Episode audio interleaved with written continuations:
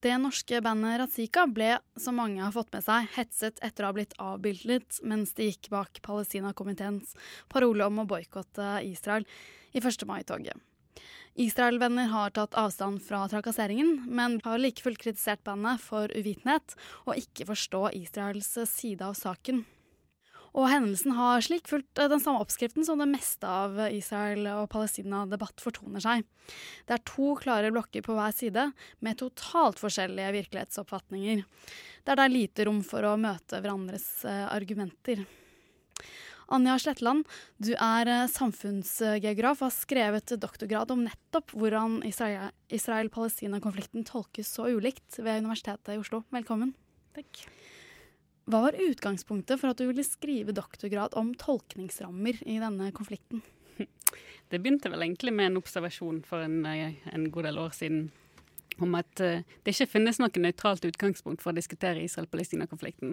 Det er sånn Uansett hva du tar utgangspunkt i, så blir det konflikt om det. Um, og dette var noe jeg så um, altså både i den norske debatten, og jeg så det i, i med, um, min egen masteroppgave. Jeg skrev om amerikansk Midtøsten-politikk, og jeg, så det litt, jobbet litt i FN. Um, og det, det, som, eh, det, som, skjedde da, eller det som jeg på en måte observerte, var at hvis noen begynner å trekke frem internasjonal lov, så blir det da konflikt om hva internasjonal lov sier, um, og hvordan det kan brukes i denne sammenhengen. Hvis noen uh, oppsummerer noe som har skjedd i, i, konflikten, så kommer det andre tolkninger uh, av absolutt hver eneste hendelse. Og hvis man begynner å snakke om liksom hvordan media tolker konflikten, så blir det en eh, debatt om medias rolle osv. Så, videre. så det er sånn, eh, en sånn eksplosiv, selvgenererende konflikt. Og dette eh, så jeg blir nysgjerrig på liksom, altså, hva snakker folk om når de snakker om Israel-Palestina-konflikten, og hvordan påvirker dette faktisk muligheten for å løse konflikten? Da har man da vidt ulike tolkningsrammer. Kan du mm. si litt kort hva du legger i det begrepet? Ja, altså det er veldig vanlig å tenke at det finnes liksom et, et israelsk eh, perspektiv, et palestinsk perspektiv eller et pro-israelsk eller pro-palestinsk perspektiv. Men det er vel mer det at uh, det finnes en grunnleggende ulike forståelser av hva denne konflikten handler om. Um, og også altså, hvilket system som kan, kan faktisk um, få slutt på konflikten. Uh, og det er og det kan man da kalle diskurser om konflikten, eller eventuelt man skal det narrativer eller ideologier, alt dette som. Um, men sånn, alt dette som hvordan man oppfatter konflikten, så vil man da også tolke utsagn på forskjellig måte. Sånn som man da f.eks. ser med, med Ratzika, at det har kommet frem uh, veldig mange forskjellige tolkninger av hva dette representerer. Ikke sant, da, For de mm. gjør seg da nærmest til eh, hva skal man si, talspersoner for uh, å boikotte Israel mm. um, ved å holde disse parolene et 1. mai-tog. Mm. Um, altså, hvordan, hvordan, skal vi tolke boikottbevegelsen? Hvis vi har på oss hva skal man si, litt sånn israelske briller. Hvis man har på seg israelske briller um, Altså, det er veldig store uenigheter om hva, hva boikottbevegelsen egentlig uh, står for. Um, en ting som jeg har funnet i, i, min egen forskning, det er at det finnes uh, sånn fi, fire sånn grunnleggende ulike diskurser om Israel-Palestina-konflikten. Uh, og alt dette som man, hvordan man tolker den, vil man også se boikottbevegelsen helt forskjellig. Um, ja, jeg skal oppsummere som veldig veldig mm. kjapt hva disse la, okay, la oss si at vi tolker dem ja. i verste mening, da. Boikottbevegelsen. Ja, altså hva er verst? Nei, at som Som f.eks. noen som ønsker å, å, utslette staten Israel, kanskje. Kan det være sånne type ting man legger i uh, det å skulle boikotte ja. Israel. Men man må også altså, Ja, det, det, er noen som, eh, som, tolker det sånn at uh, dette er et uttrykk for noen som ønsker å utslette staten Israel. Men for å skjønne den, den, det utsagnet, da, mm. uh, den måten å tolke boikottbevegelsen på, så må man også skjønne deres diskurs. Mm. Um, og da har man f.eks. En, en diskurs som, som tolker Israel-Palestina-konflikten som en uttrykk for en sånn for en sivilisasjonskonflikt. Eh, der det egentlig um, Israel representerer på en måte uh, Vestens uh, um, fortropp da, mot den undertrykkende verden. altså Det er liksom det som er, er, narrativet. Og Der tolker man det ikke som Israel versus Palestina. Det er ikke der konfliktlinjen går. Mm. Det handler mer, mer om um, Israel mot, mot, den arabiske verden. før var det, altså Under den kalde krigen så var det mot kommunistene. så det er på en måte bare den samme konfliktlinjen som har, har endret um, hvem som står på den andre siden. Men det er på en måte det samme narrativet. da. Um, og de som, altså de som tol tolker konflikten på den måten, um, ser på um, boikottbevegelsen som en måte å si at Israel ikke får lov til å forsvare seg. Så når de, når de ser f.eks. Um, la oss si krigen i Gaza, um, og de ser um, missiler, de ser De hører om uh, Ja, også om som um, kritiske bemerkninger fra FN, uh, fra EU, uh, om, uh, om Israels handlinger, så ser de på det som en måte å hindre Israel i å forsvare seg sjøl. Mm. For de ser på, denne, på Israel som en, en, en, måte å forsvare det jødiske folket. Ja, og man kommer vel ikke unna da historien her, for å si det mm. sånn, og holocaust. Og at kanskje da Israel ses på som en helt reell frihavn for jøder i verden i dag. Ja. Mm. Ja, og da er det, Men det er, dette er et helt ektefølt um, Hva skal man si, en eh, helt reell følelse hos mange på israelsk side. At de rett og slett frykter for uh, sitt folk. Ja, det er det. Og det ser man altså både blant de um, La oss si de som ser på dette som er litt mer sånn sivilisasjonistisk, eh, det eksempelet som jeg ga eh, tidligere, men også blant de som har et mer sånn nasjonalistisk syn på denne konflikten. Um, som, eh, som, ser på da, konflikten mer som en, en, en, en, kamp mellom to nasjonale grupper for det samme territoriet. Um, de ser også på dette som um, jo, som, som en måte å forsvare det jødiske folket. Uh, og de er kanskje spesielt opptatt av, av den, den, historien med, med holocaust.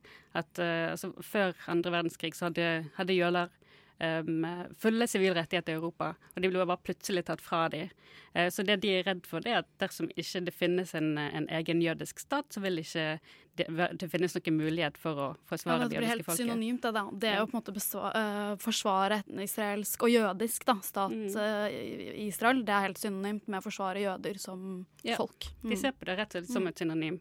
Og det er en så bare det å se en plakat med noen som boikotter Israel, eh, det ser de på det som en, et, et, angrep på hele statens Israel sin, eh, sin uh, evne til å forsvare seg, da. Men det er jo helt åpenbart at uh, de fleste, som Razika, som man kan kalle hva skal man si, pro-palestinsk side, mm. uh, de er jo ikke antisemitter. hvorfor tolkes de allikevel sånn? Ja. Um,